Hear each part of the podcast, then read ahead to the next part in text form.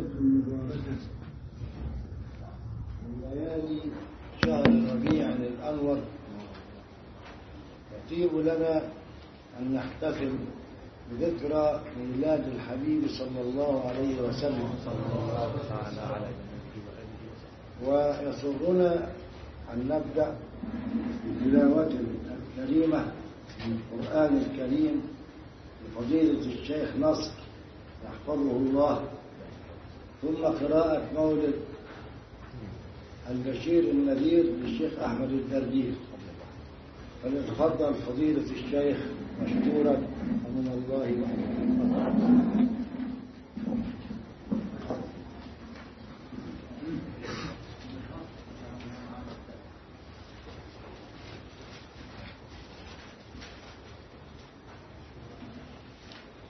أعوذ بالله من الشيطان الرجيم.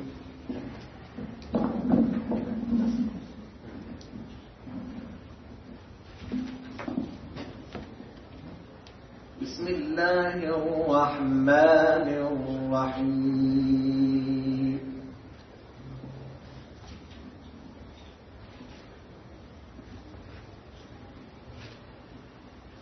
ألا إن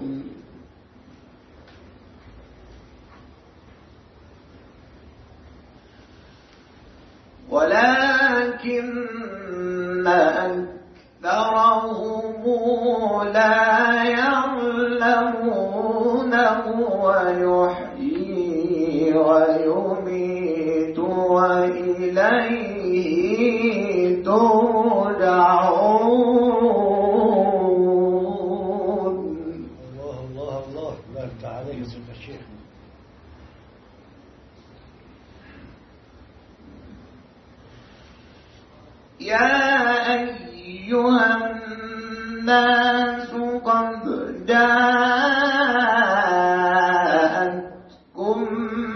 موعظة من ربكم.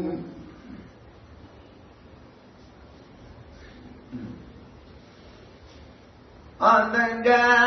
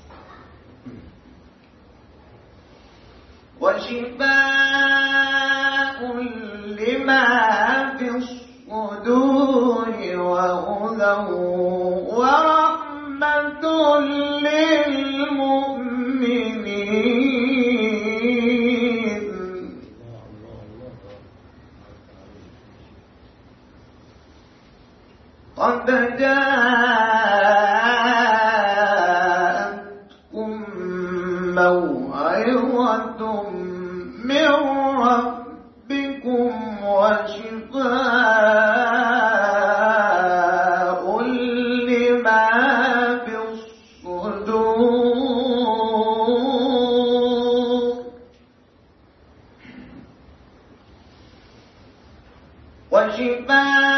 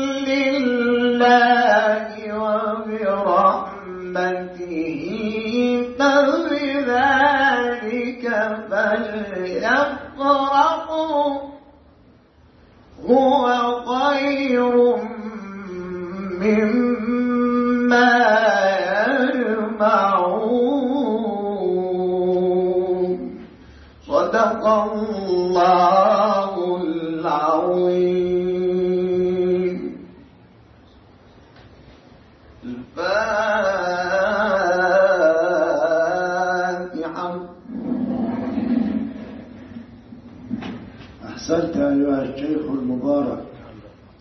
بارك الله فيك وعليك.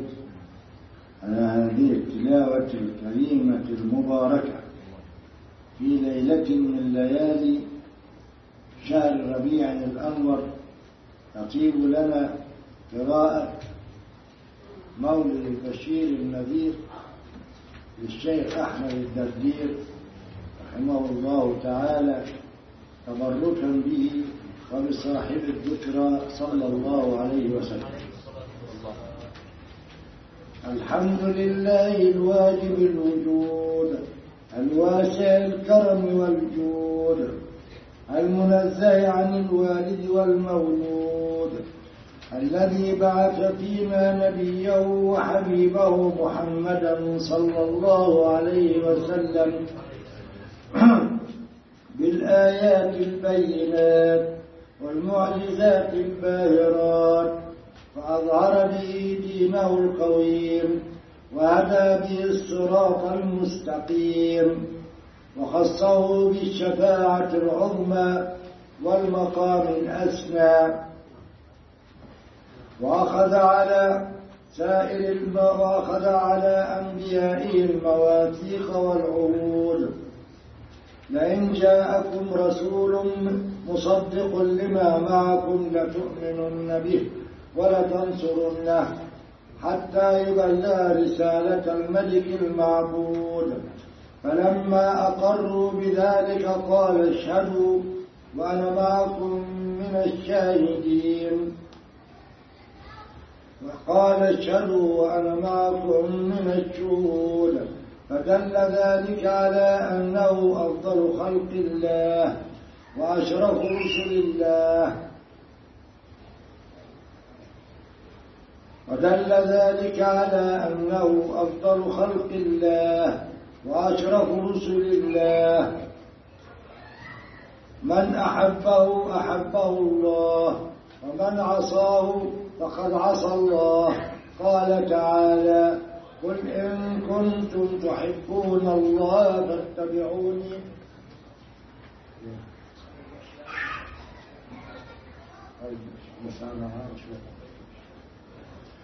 قل إن كنتم تحبون الله فاتبعوني يحببكم الله. وقال صلى الله عليه وسلم أنا حبيب الله والمصلي علي حبيبي. فمن أراد أن يكون حبيبا للحبيب فليكثر من الصلاة على الحبيب ويأتي العاقل اللبيب والحاذق النجيب في بيان عظم هذا النبي الكريم وبيان قدر الصلاة عليه والتسليم قول الله العظيم إن الله وملائكته يصلون على النبي يا أيها الذين آمنوا صلوا عليه وسلموا تسليما. ولقد أحسن من قال شعرا. فأنت رسول الله أعظم كائن.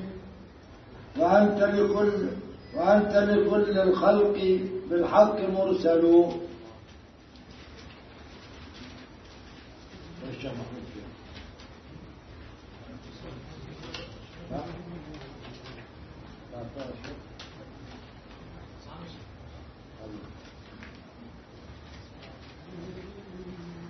ولقد أحسن من قال شعرا فأنت رسول الله أعظم كائن وأنت لكل الخلق بالحق مرسل. عليك مدار الخلق إذ أنت قطبه وأنت منار الحق تعلو وتعدل. فؤادك بيت الله دار علومه وباب وباب باب عليه منه للحق يدخل. ينابيع علم الله منه تفجرت ففي كل حي منه لله منهل. منحت بفي- بفيض الفضل كل مفضل. منحت بفيض الفضل كل مفضل. فكل له فضل به منك يفضل. نظمت نثار الأنبياء فتاجهم. لديك بأنواع الكمال يكمل. فيا مدة الإمداد نقطة فيا مدة فيا مدة الإمداد نقطة خطه. ويا ذر- ذروة الإطلاق إذ يتسلسل. محال يحول القلب عنك وإنني وحقك لا أسلو ولا أتحول عليك صلاة الله منه تواصلت. صلاة اتصال عنك لا تتنصل. ولما كان أفضل خلق الله كان أول خلق الله وآخر أنبياء الله. روى عبد الرزاق بسنده عن جابر بن عبد الله الأنصاري رضي الله تعالى عنه أنه قال قلت يا رسول الله بأبي أنت وأمي أخبرني عن أول شيء خلقه الله تعالى قبل الأشياء. قال يا جابر إن الله خلق قبل الأشياء نور نبيك من نوره فجعل ذلك النور يدور بالقدرة حيث شاء الله ولم يكن في ذلك الوقت لوح ولا قلم ولا جنة ولا نار ولا ملك ولا سماء ولا أرض ولا شمس ولا قمر ولا جن ولا إنس. فلما أراد الله تعالى أن يخلق الخلق قسم ذلك النور أربعة أجزاء فخلق من الأول القلم ومن الثاني اللوح ومن الثالث العرش ثم قسم الرابع أربعة أجزاء فخلق من الأول نور أبصار المؤمنين ومن الثاني نور قلوبهم وهي المعرفة بالله ومن الثالث نور أنسهم وهو التوحيد. لا إله إلا الله محمد رسول الله. وروي عن النبي صلى الله عليه وآله وسلم أنه قال كنت نورا بين يدي ربي قبل خلق آدم بأربعة آلاف عام.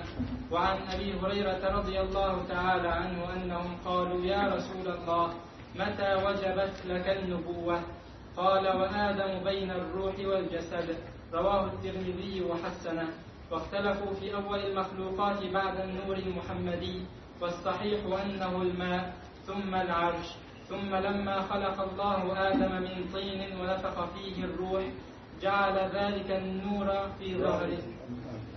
جعل ذلك النور في ظهره فكان يلمع في جبينه فيغلب على سائر نوره. قال جعفر بن محمد مكثت الروح في رأس آدم مئة عام وفي صدره مئة عام وفي ساقيه وقدميه مئة عام. ثم علمه الله تعالى أسماء جميع المخلوقات. ثم أمر الملائكة بالسجود له. سجود تحية وتعظيم لا سجود عبادة. فسجدوا إلا إبليس فاستكبر وأبى. فكان أول من عصى الله وأول حاسد لما فضله الله تعالى. فطرده الله تعالى ولعنه وأهبط من. وأهبط من الجنة مذموما مخذولا ثم خلق الله تعالى زوجته من ضلع من أضلاعه اليسرى وهو نائم ولم يشعر بذلك. فلما استيقظ ورآها سكن إليها ومد يده إليها فقالت الملائكة مه يا آدم؟ قال ولم؟ وقد خلقها الله لي. فقالوا حتى تؤدي مهرها. قال وما مهرها؟ قالوا أن تصلي على محمد صلى الله عليه وسلم ثلاث مرات. وفي رواية أنه لما رام القرب منها طلبت منه المهر قال يا رب وماذا أعطيها؟ فقال يا آدم صل على محمد بن عبد الله عشرين مرة. ففعل وأباح الله لهما نعيم الجنة إلا شجرة الحنطة. طيب ما فائدتها من الصلاة على النبي؟ ها؟ يعني المهر ده راجع لمين؟ المهر فيجوز راجع لمين؟ للمرأة صح؟ لا. آه. لكن هذا يصلي على النبي ويهدي ثواب الصلاة إليها. ويهدي إيه؟ ثواب الصلاة إليها. وهو نائم يشكل ذلك بأنهم قالوا وستة خصت بأهل الجنة. لا بول لا غائط لا أجنة ولا لحى فيها ولا أسنان والنوم منفي كذا أتانا. وستة إيه؟ خصت بأهل الجنة. لا بول لا غائط لا أجنة ما فيش حمل ولا لحى فيها ولا أسنان والنوم منفي كذا أتانا وأجيب عن ذلك بأن النوم منفي عن أهل الجنة عندما يدخلونها إيه؟ للجزاء للجزاء.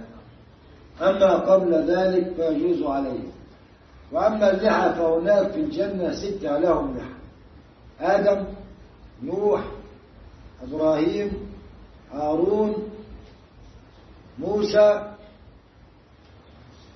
باقي واحد من يعرفه بقى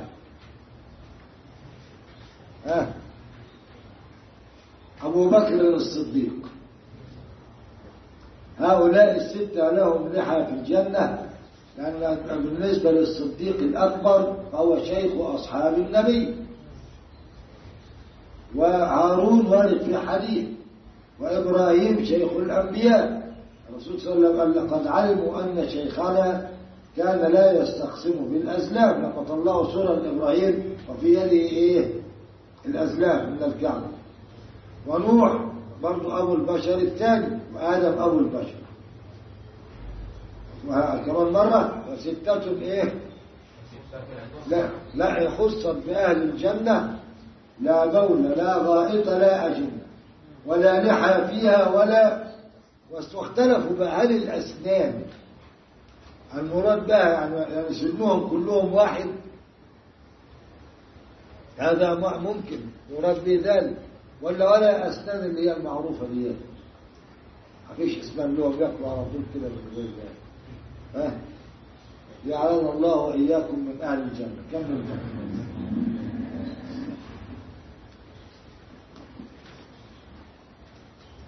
قال وأباح الله لهما نعيم الجنة إلا شجرة الحنطة وأباح الله لهما نعيم الجنة إلا شجرة الحنطة فنهاهما عن الأكل منها. فتخيل إبليس حتى دخل الجنة. تخيل. فتحيل إبليس حتى دخل الجنة وأتى إليهما. وتوقف وناح نياحة أحزنتهما. فقالا له ما يبكي. فقال أبكي عليكما تموتان وتفقدان النعيم المقيم. ألا أدلكما على شجرة الخلد وملك لا يبلى. فكلا من هذه الشجرة فإنها شجرة الخلد. وقاسمهما إني لكما لمن الناصحين. فلما أغواهما وأكلا منها وظنا أن وظنا أن أحدا لا يحلف لا يحلف بالله كاذبا. قال الله تعالى يا آدم ألم يكن فيما أبحت لكما من الجنة مندوحة عن هذه الشجرة؟ قال بلى يا رب وعزتك وجلالك ولكن ظننا أن أحدا لا يحلف بك كاذبا فأهبطهما إلى الأرض. قال وهب بن, وهب بن منبه لما أهبط آدم إلى الأرض مكث يبكي ثلاثمائة عام لا يرفع له دمع. ثم إن حواء ولدت لآدم أربعين ولدا في عشرين بطن. ووضعت شيئا وحده ك... ووضعت شيثا وحده. ووضعت شيثا وحده كرامة لمن أطلع الله بالنبوة سعده. ولما توفي آدم عليه السلام كان شيث وصية على أولاده. ثم إن شيثا عليه السلام أوصى ولده وصية آدم ألا يضع هذا النور إلا في إلا في المطهرات من النساء. ولم تزل هذه الوصية جارية تنتقل من قرن إلى قرن إلى أن وصل هذا النور إلى عبد الله بن عبد المطلب وطهر الله هذا النسب الشريف من سفاح الجاهلية. قال صلى الله عليه وآله وسلم ما ولدني من سفاح الجاهلية شيء ما ولدني إلا نكاح الإسلام. وقال صلى الله عليه وآله وسلم خرجت من نكاح ولم أخرج من سفاح. من لدن آدم إلى أن ولدني أبي وأمي لم يصبني من نكاح الجاهلية شيء فهو سلالة الطيبين الطاهرين ونتيجة الكرام الموحدين النبي العربي الهاشمي القرشي المنتخب من خير بطون العرب وأعرقها في النسب محمد بن عبد الله بن كعب بن لؤي بن غالب بن فهر وهو قريش وإليه تنسب قريش. فمن كان فوقه فكناني لا قرشي. بن مالك بن النضر بن كنانة بن خزيمة بن مدركة بن إلياس بن مضر بن مزار بن معد بن عدنان. هذا هو النسب المتفق عليه. وما بعده لا يعول عليه. ولما أراد الله تعالى إبراز هذا السر المصون الساري في الظهور والبطون من عالم الخفاء إلى عالم الظهور ليتم بذلك كمال الصفاء ومزيد السرور. ألهم عبد المطلب بأن ذهب بأن يذهب إلى وهب بن عبد مناف بن زهرة وهو يومئذ سيد بني زهرة نسبا وشرفا فخطب منه ابنته آمنة لوالد لولده عبد الله وهي يومئذ أفضل امرأة من قريش نسبا وموضعا فزوجها له وبنى بها في شعب أبي طالب فحملت برسول الله صلى الله عليه وآله وسلم وظهر بحمده عجائب ولوضعه غرائب. وعن كعب الأحباب أنه نودي تلك الليلة في السماء وصفاحها وفي الأرض وبقاعها أن النور المكنون الذي منه رسول الله صلى الله عليه وآله وسلم يستقر الليلة في بطن آمنة. فيا طوبى لها ثم يا طوبى وأصبحت أصنام الدنيا منكوسة وكانت قريش في جدب شديد وضيق عظيم. فاخضرت الأرض وحملت الأشجار وجاءهم الرفد من كل جانب. فسميت تلك السنة التي حمل فيها برسول الله صلى الله عليه وآله وسلم سنة الفتح والابتهاج. وأتاها آت حين حملت به فقال لها أنت حملت بسيد هذه الأمة. قالت آمنة ما شعرت بأني حملت به ولا وجدت له ثقلا ولا وحما كما تجد النساء إلا أني أنكرت حيضتي وآتا وأتاني آت وأنا بين النوم واليقظة. فقال هل شعرت بأنك حملت بسيد الأنام؟ ثم أمهلني حتى إذا دنت ولادتي أتاني. فقال لي قولي إذا وضعتيه أعيده بالواحد من شر كل حاسد. ثم سميه محمدا. وروي أن كل دابة لقريش نطقت تلك الليلة وقالت حمل برسول الله صلى الله عليه وآله وسلم ورب الكعبة وهو إمام الدنيا وسراج أهلها ولم يبق سرير لملك من ملوك الدنيا إلا أصبح منكوسا. وفرت وحوش المشرق إلى وحوش المغرب بالبشارات. وكذلك حيتان البحار يبشر بعضها بعضا. وله في كل شهر نداء في الأرض ونداء في السماء. أن أبشروا فقد آن أوان فقد آن أن يظهر أبو القاسم صلى الله عليه وسلم ميمونا مباركا. ولما تم لها من حملها شهران توفي عبد الله وهو راجع من الشام مع جماعة من قريش. سافروا للتجارة فمروا بالمدينة فتخلف مريضا عند أخواله بني عدي بني النجار. فأقام عندهم مريضا شهرا ثم توفي رحمه الله تعالى. قيل لما حضرت ولادة آمنة قال الله تعالى للملائكة افتحوا أبواب السماء كلها وأبواب الجنان كلها وألبست الشمس يومئذ نورا عظيما وكان قد أذن.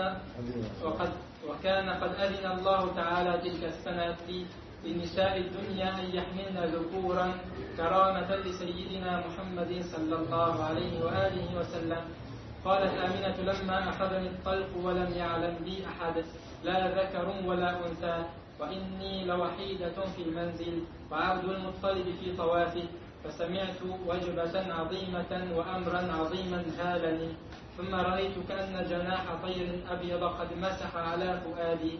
فذهب عني الرعب وكل وجع أجده ثم التفت فإذا أنا بشربة بيضاء فتناولتها فأصابني نور عال.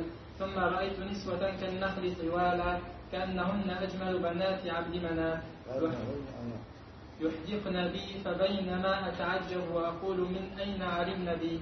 فقلن لي نحن آسية امرأة فرعون ومريم ابنة عمران وهؤلاء من الحور العين.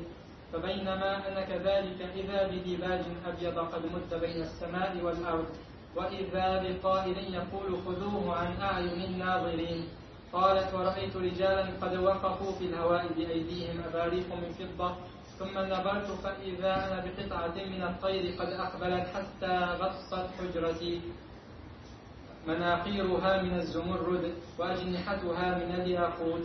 فكشف الله عن بصري فرأيت مشارق الأرض ومغاربها ورأيت ثلاثة أعلام مضروبات علما بالمشرق وعلما بالمغرب وعلما على ظهر الكعبة فأخذني المخاض المخاض فوضعت محمدا صلى الله عليه وآله وسلم فنظرت إليه فإذا هو ساجد قد رفع أصبعه إلى السماء كالمتبرع المبتهل.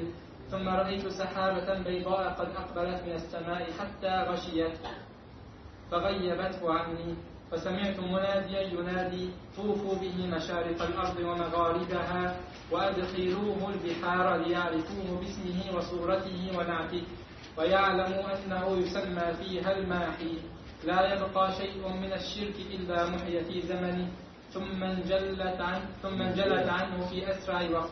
وفي رواية أن آمنة قالت لما فصل مني خرج معه نور أضاء له ما بين المشرق والمغرب ثم وقع على الأرض معتمدا على يديه ثم أخذ قبضة من التراب وقبضها ورفع رأسه إلى السماء.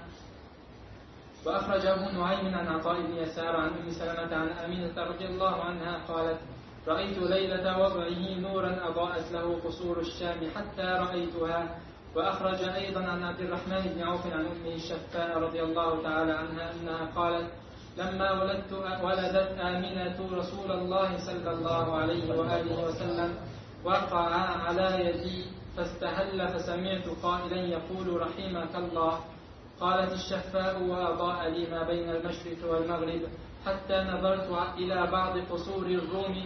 قالت ثم ألبنته وفي رواية ثم ألبسته وأرجعته فلم أنشب أن غشيتني ظلمة ورعب وقشعريرة ثم غيب عني فسمعت قائلا يقول أين ذهبت به؟ قال إلى المشرق والمغرب. قالت فلم يزل الحديث مني على بال حتى بعثه الله فكنت أول الناس إسلاما. ومن عجائب ولادته صلى الله عليه وآله وسلم ما روي من ارتجاجه ومن كسرى وسقوط أربع عشرة شرافة من شرفاته. وغيض بحيرة طبرية وخمود وغيض بحيرة طبرية وخمود نار فارس. وكان لها ألف عام لم تخمد وولد صلى الله عليه وآله وسلم مختونا مسرورا أي مقطوع السرة واختلف في عام ولادته والصحيح أنه عام الفيل. والمشهور أنه ولد بعد الفيل بخمسين يوما وقيل بخمس وخمسين يوما وقيل غير ذلك. والصحيح أنه ولد في شهر ربيع الأول يوم الاثنين يوم الاثنين والأصح لثمان خلت منه. والمشهور أنه ولد يوم الاثنين الثاني عشر ربيع الأول. والمشهور أنه يوم الاثنين نهارا بعد الفجر وقيل ليلا. ولما ولد صلى الله عليه وآله وسلم خرج معه نور أضاء له قصور الشام. وخرج من بطن أمه نظيفا ظريفا ما به قدر. كما أشار لذلك عمه العباس رضي الله عنه بقوله وأنت لما ولدت أشرقت الأرض وضاءت بنورك الأفق فنحن في ذلك الضياء وفي النور وسبل الرشاد نختلق. ولله در البوصري رضي الله عنه حيث قال ومحيا كالشمس منك مضيء أسفرت عنه ليلة غراء ليلة المولد الذي كان للدين سرور بيومه وازدهاء. وتوالت بشرى الهواتف أن قد ولد المصطفى وحق الهناء وتداعى إيوان كسرى ولولا آية منك ما تداعى البناء وغدا كل بيت نار وفيه قربة من صمودها وبلاء وعيون للفرس غارت فهل كان لنيرانهم بها إطفاء مورد كان منه في طالع الكفر وبال عليهم ووباء فهنيئا به بآمنة الفضل الذي شرفت به حواء. من لحواء أنها حملت أحمدا أو أنها به نفساء. يوم نالت بوضعه ابنة وهب من فخار ما لم تنله النساء. وآتت قومها بأفضل مما حملت قبل مريم العذراء. شمتته الأملاك إذ وضعته وشف وشفتنا بقولها الشفاء. رافعا رأسه وفي ذلك الرفع إلى كل سؤد سؤدد إيماء جعلنا الله من خير أتباعه وختم لنا بالوفاة على أكمل حالات أتباعه. آمين. هذا الشيخ رحمة الله عليه حسن المقطع ببراعة أو براعة الانتهاء. رافعا رأسه إلى السماء. وفي هذا الرفع إلى كل سؤدد إيمان. أبان مولده عن طيب عنصره يا طيب مبتدأ منه ومختتم. يوم تفرس فيه الفرس أنهم قد أنذروا بحلول البأس البؤس والنقم. وبات إيوان كسرى وهو منصدع كشمل أصحاب كسرى غير ملتئم. والنار خامدة الأنفاس من أسف.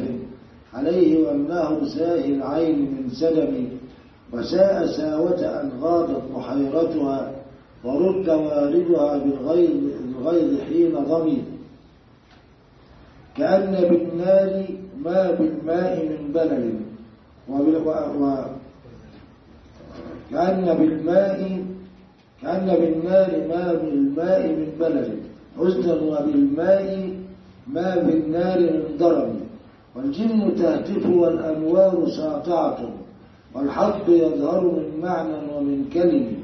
عموا وصموا فإعلام البشائر لم تسمع وبارقة الإنذار لم تشم من بعد ما أخبر الأقوام كاهنهم بأن دينهم المعوج لم يقم.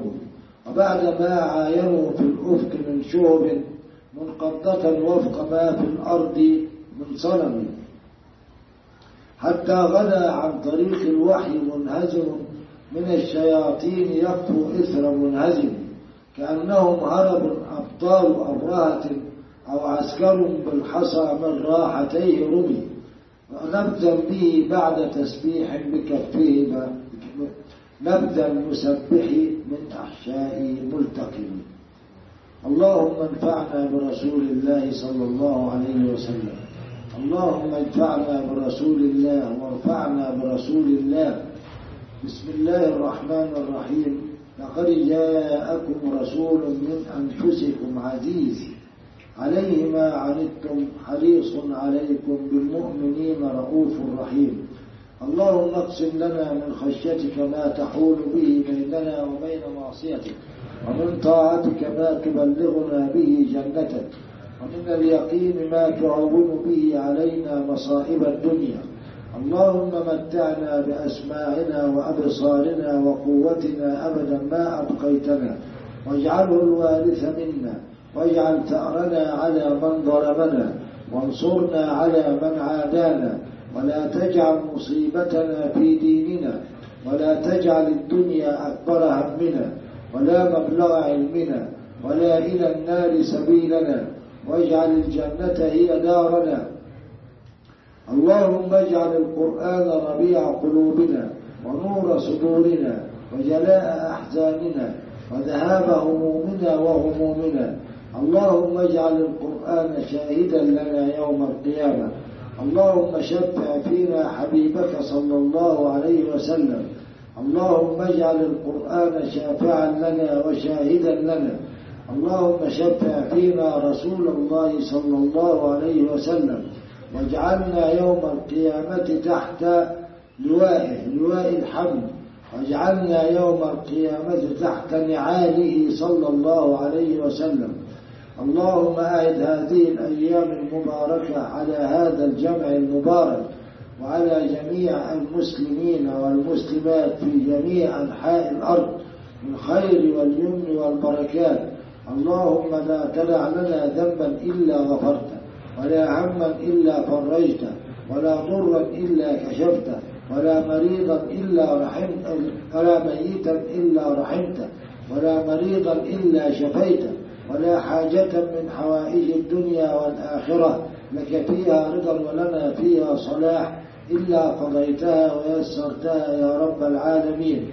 أيها الأحباب طبتم وطاب ممشاكم وتبوأتم من الجنة منزلا وبارك الله فيكم وعليكم ويسرنا في الختام كما ابتدأنا بخير الكلام وأفضل الكلام من فضيلة الشيخ نصر أن يختم لنا المجلس متفضلا جزاه الله خير الجزاء. تفضل يا الشيخ الإجازة الشفوية مولانا؟ نجزهم أيوة أجزناكم أيها الأحباب. بمولد البشير والنذير للشيخ أحمد الدردير كما أخذناه عن شيوخنا سماعا وقراءة مرارا وتكرارا وكل عام وسيادتكم بخير وبارك الله فيكم أيها الأحباب. وبارك الله في الشيخ المبارك فضيلة الشيخ نصر ممكن يمدح مولانا؟ آه يفتح ماشي.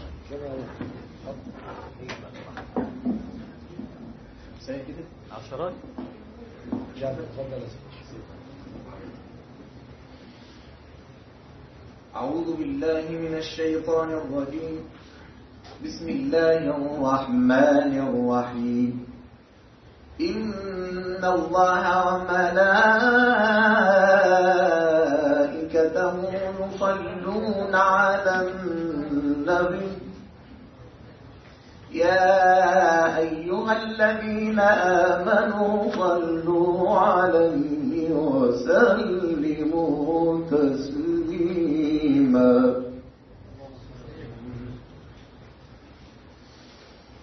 يقول رأيت رسول الله. يقول رأيت رسول الله صلى الله على جنابه وآله وسلم في المنام رؤية حقيقية. ومن رأى المصطفى في المنام فقد رآه حقا كما روت عنه الأفاضل الأعلام.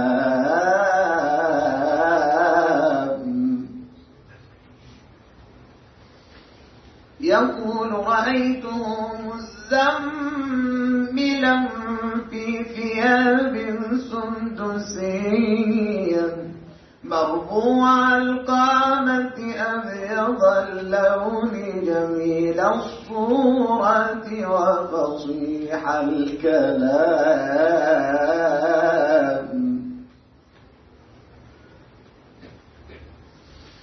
كاملا في ذاته مكملا في أوصافه الخلقية.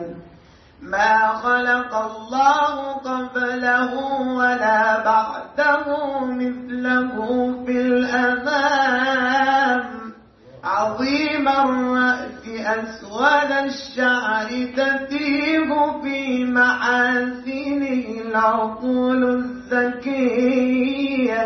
وتتعير في كمال جماله الأفهام.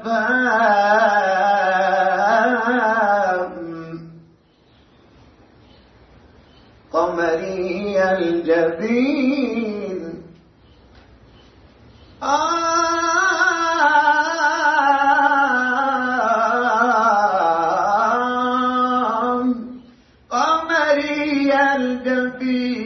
فواجبه نونية كحيل الطرفين أهدف العينين ظريف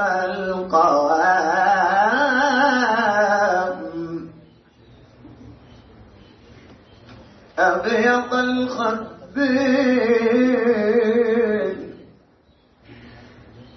أبيض الخدين مشربا بالحمرة وجناته ضوئيا ووجه جنابه كأنه البدر ليلة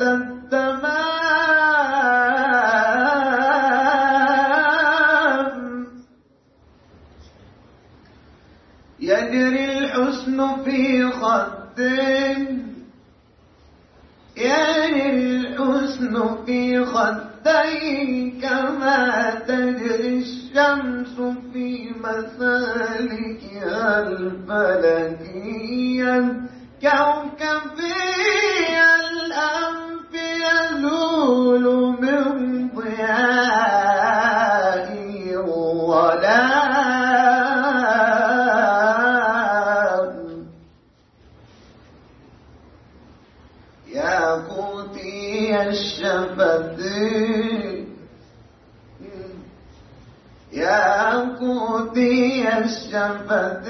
الشفتين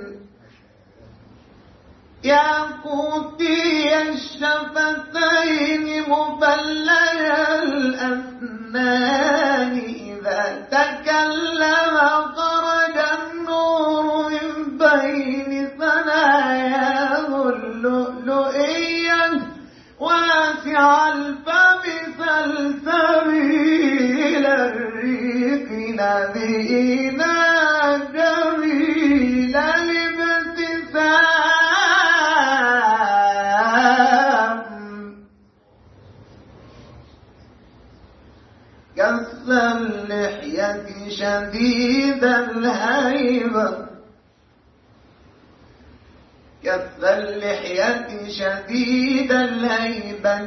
معتدل العنق في صفاء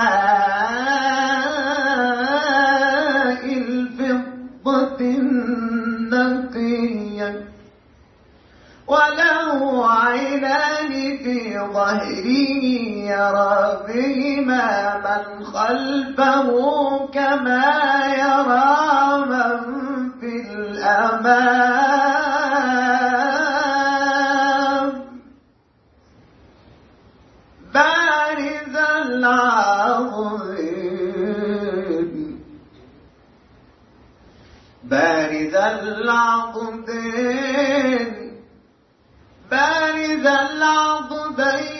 طويل الثنتين كريم الكفين. أجود بالخير من السحب الممطرة الغيمية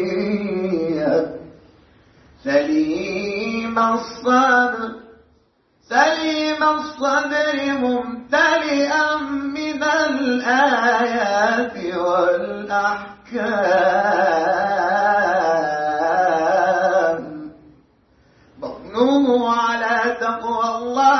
الله ومعارفه مطويا وإذا نامت عين جنابه فقلبه لا ينام منير الساقين ظريف الكعبين أعقابه سراجيا وله بالصخر غاصة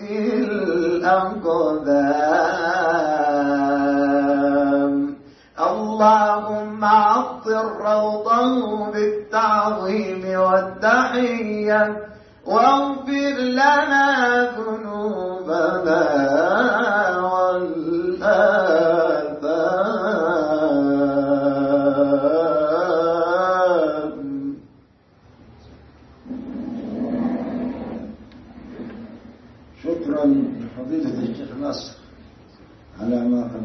لنا من هذا الذكر من في ذكرى مولد رسول الله صلى الله عليه وسلم من مولد رسول الله صلى الله عليه وسلم. بارك الله فيك يا شيخ نصر وجزاك الله خير الجزاء. وبارك الله فيكم وعليكم وطبتم وطاب ممشاكم.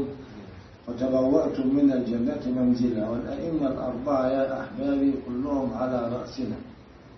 الإمام الأعظم أبو حنيفة الإمام الأعظم مالك. الإمام الأعظم الشافعي الإمام الأعظم أحمد. كلهم كل الأئمة على هدى. ومالك وسائر الأئمة كذا أبو القاسم هداة فواجب تقليد حبر منهم. كذا حكى قوم القوم لفظ يفهم وأثبت فالواجب على علينا اعتق- الاعتقاد فيهم جميعا أنهم على هدى. وأئمة كالشافعي ونحوه كانوا على ست خصال كملا. زهد صلاح والعبادة علمهم وعلوم عقبى نافعات للملأ.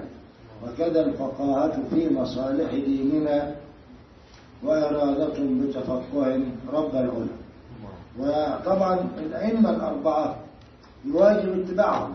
كما قال فواجب تقليد إيه؟ حبر منهم. حبل منهم. وما ذاك إلا لأن مذاهبهم رضي الله عنهم نقحت ودونت وحررت وسجلت.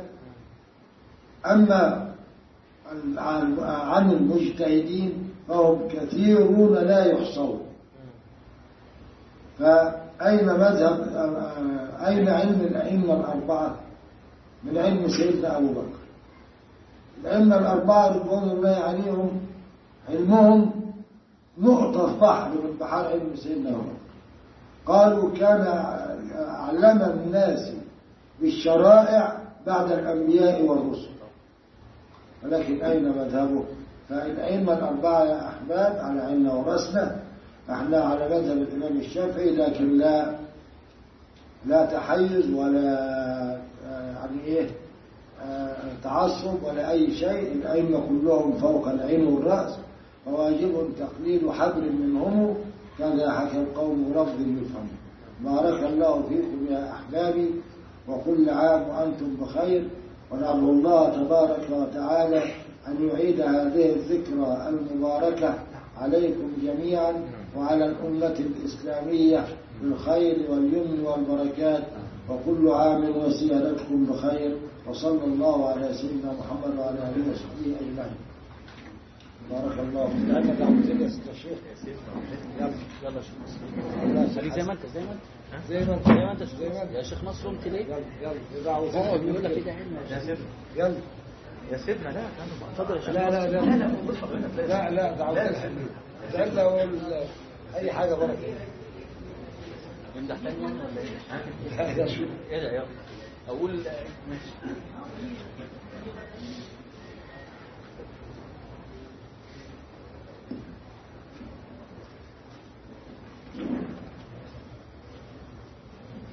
أعوذ بالله من الشيطان الرجيم. بسم الله الرحمن الرحيم. اللهم صل على سيدنا النبي السابق على الوجود نوره والرحمة للعالمين ظهوره. عدد من سعد من خلقك ومن شقي ومن مضى منهم ومن بقي صلاة تستغرق العد وتدوم بدوام ملكك وعلى آله وصحبه وسلم. اللهم إنا وهبنا ثواب ما قرأنا ونور ما تلونا هدية واصلة إلى سيدنا ومولانا رسول الله موصولة بحضرته منورة بنور روضته معطرة بأريج كبته بجاههم لا قلوبنا بمحبتك ومحبته ونظر وجوهنا بلقائك ولقائه. واحشرنا يوم القيامة تحت لوائه. واجمع بيننا وبين حضرته كما جمعت بين الروح والنفس ظاهرا وباطنا يقظة ومناما في الدنيا قبل الآخرة. بجاهه اختم بالسعادة آجالنا وحقق بالزيادة آمالنا وأدم بحضرته وآله والصالحين وصالنا واجعل إلى الخير مصيرنا ومآلا ومآلنا اغفر لنا ولوالدينا ولمشايخنا ولأصحاب الحقوق علينا ولإخواننا فيك عامة ولكافة المسلمين أجمعين. سبحان ربك رب العزة عما يصفون وسلام على المرسلين والحمد لله رب العالمين.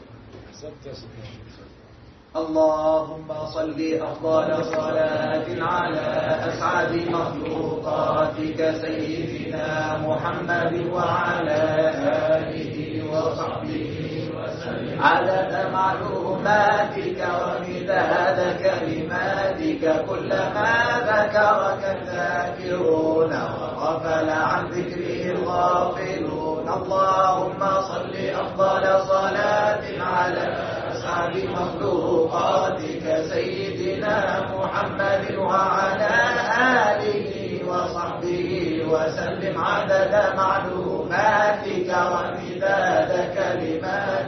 كلما ذكرك الذاكرون وغفل عن ذكر الغافلون. اللهم صل أفضل صلاة على أسعد مخلوقاتك سيدنا محمد وعلى آله وصحبه وسلم عدد معلوماتك ومداد كلماتك. كلما ذكرك الذاكرون وغفل عن ذكره الغافلون.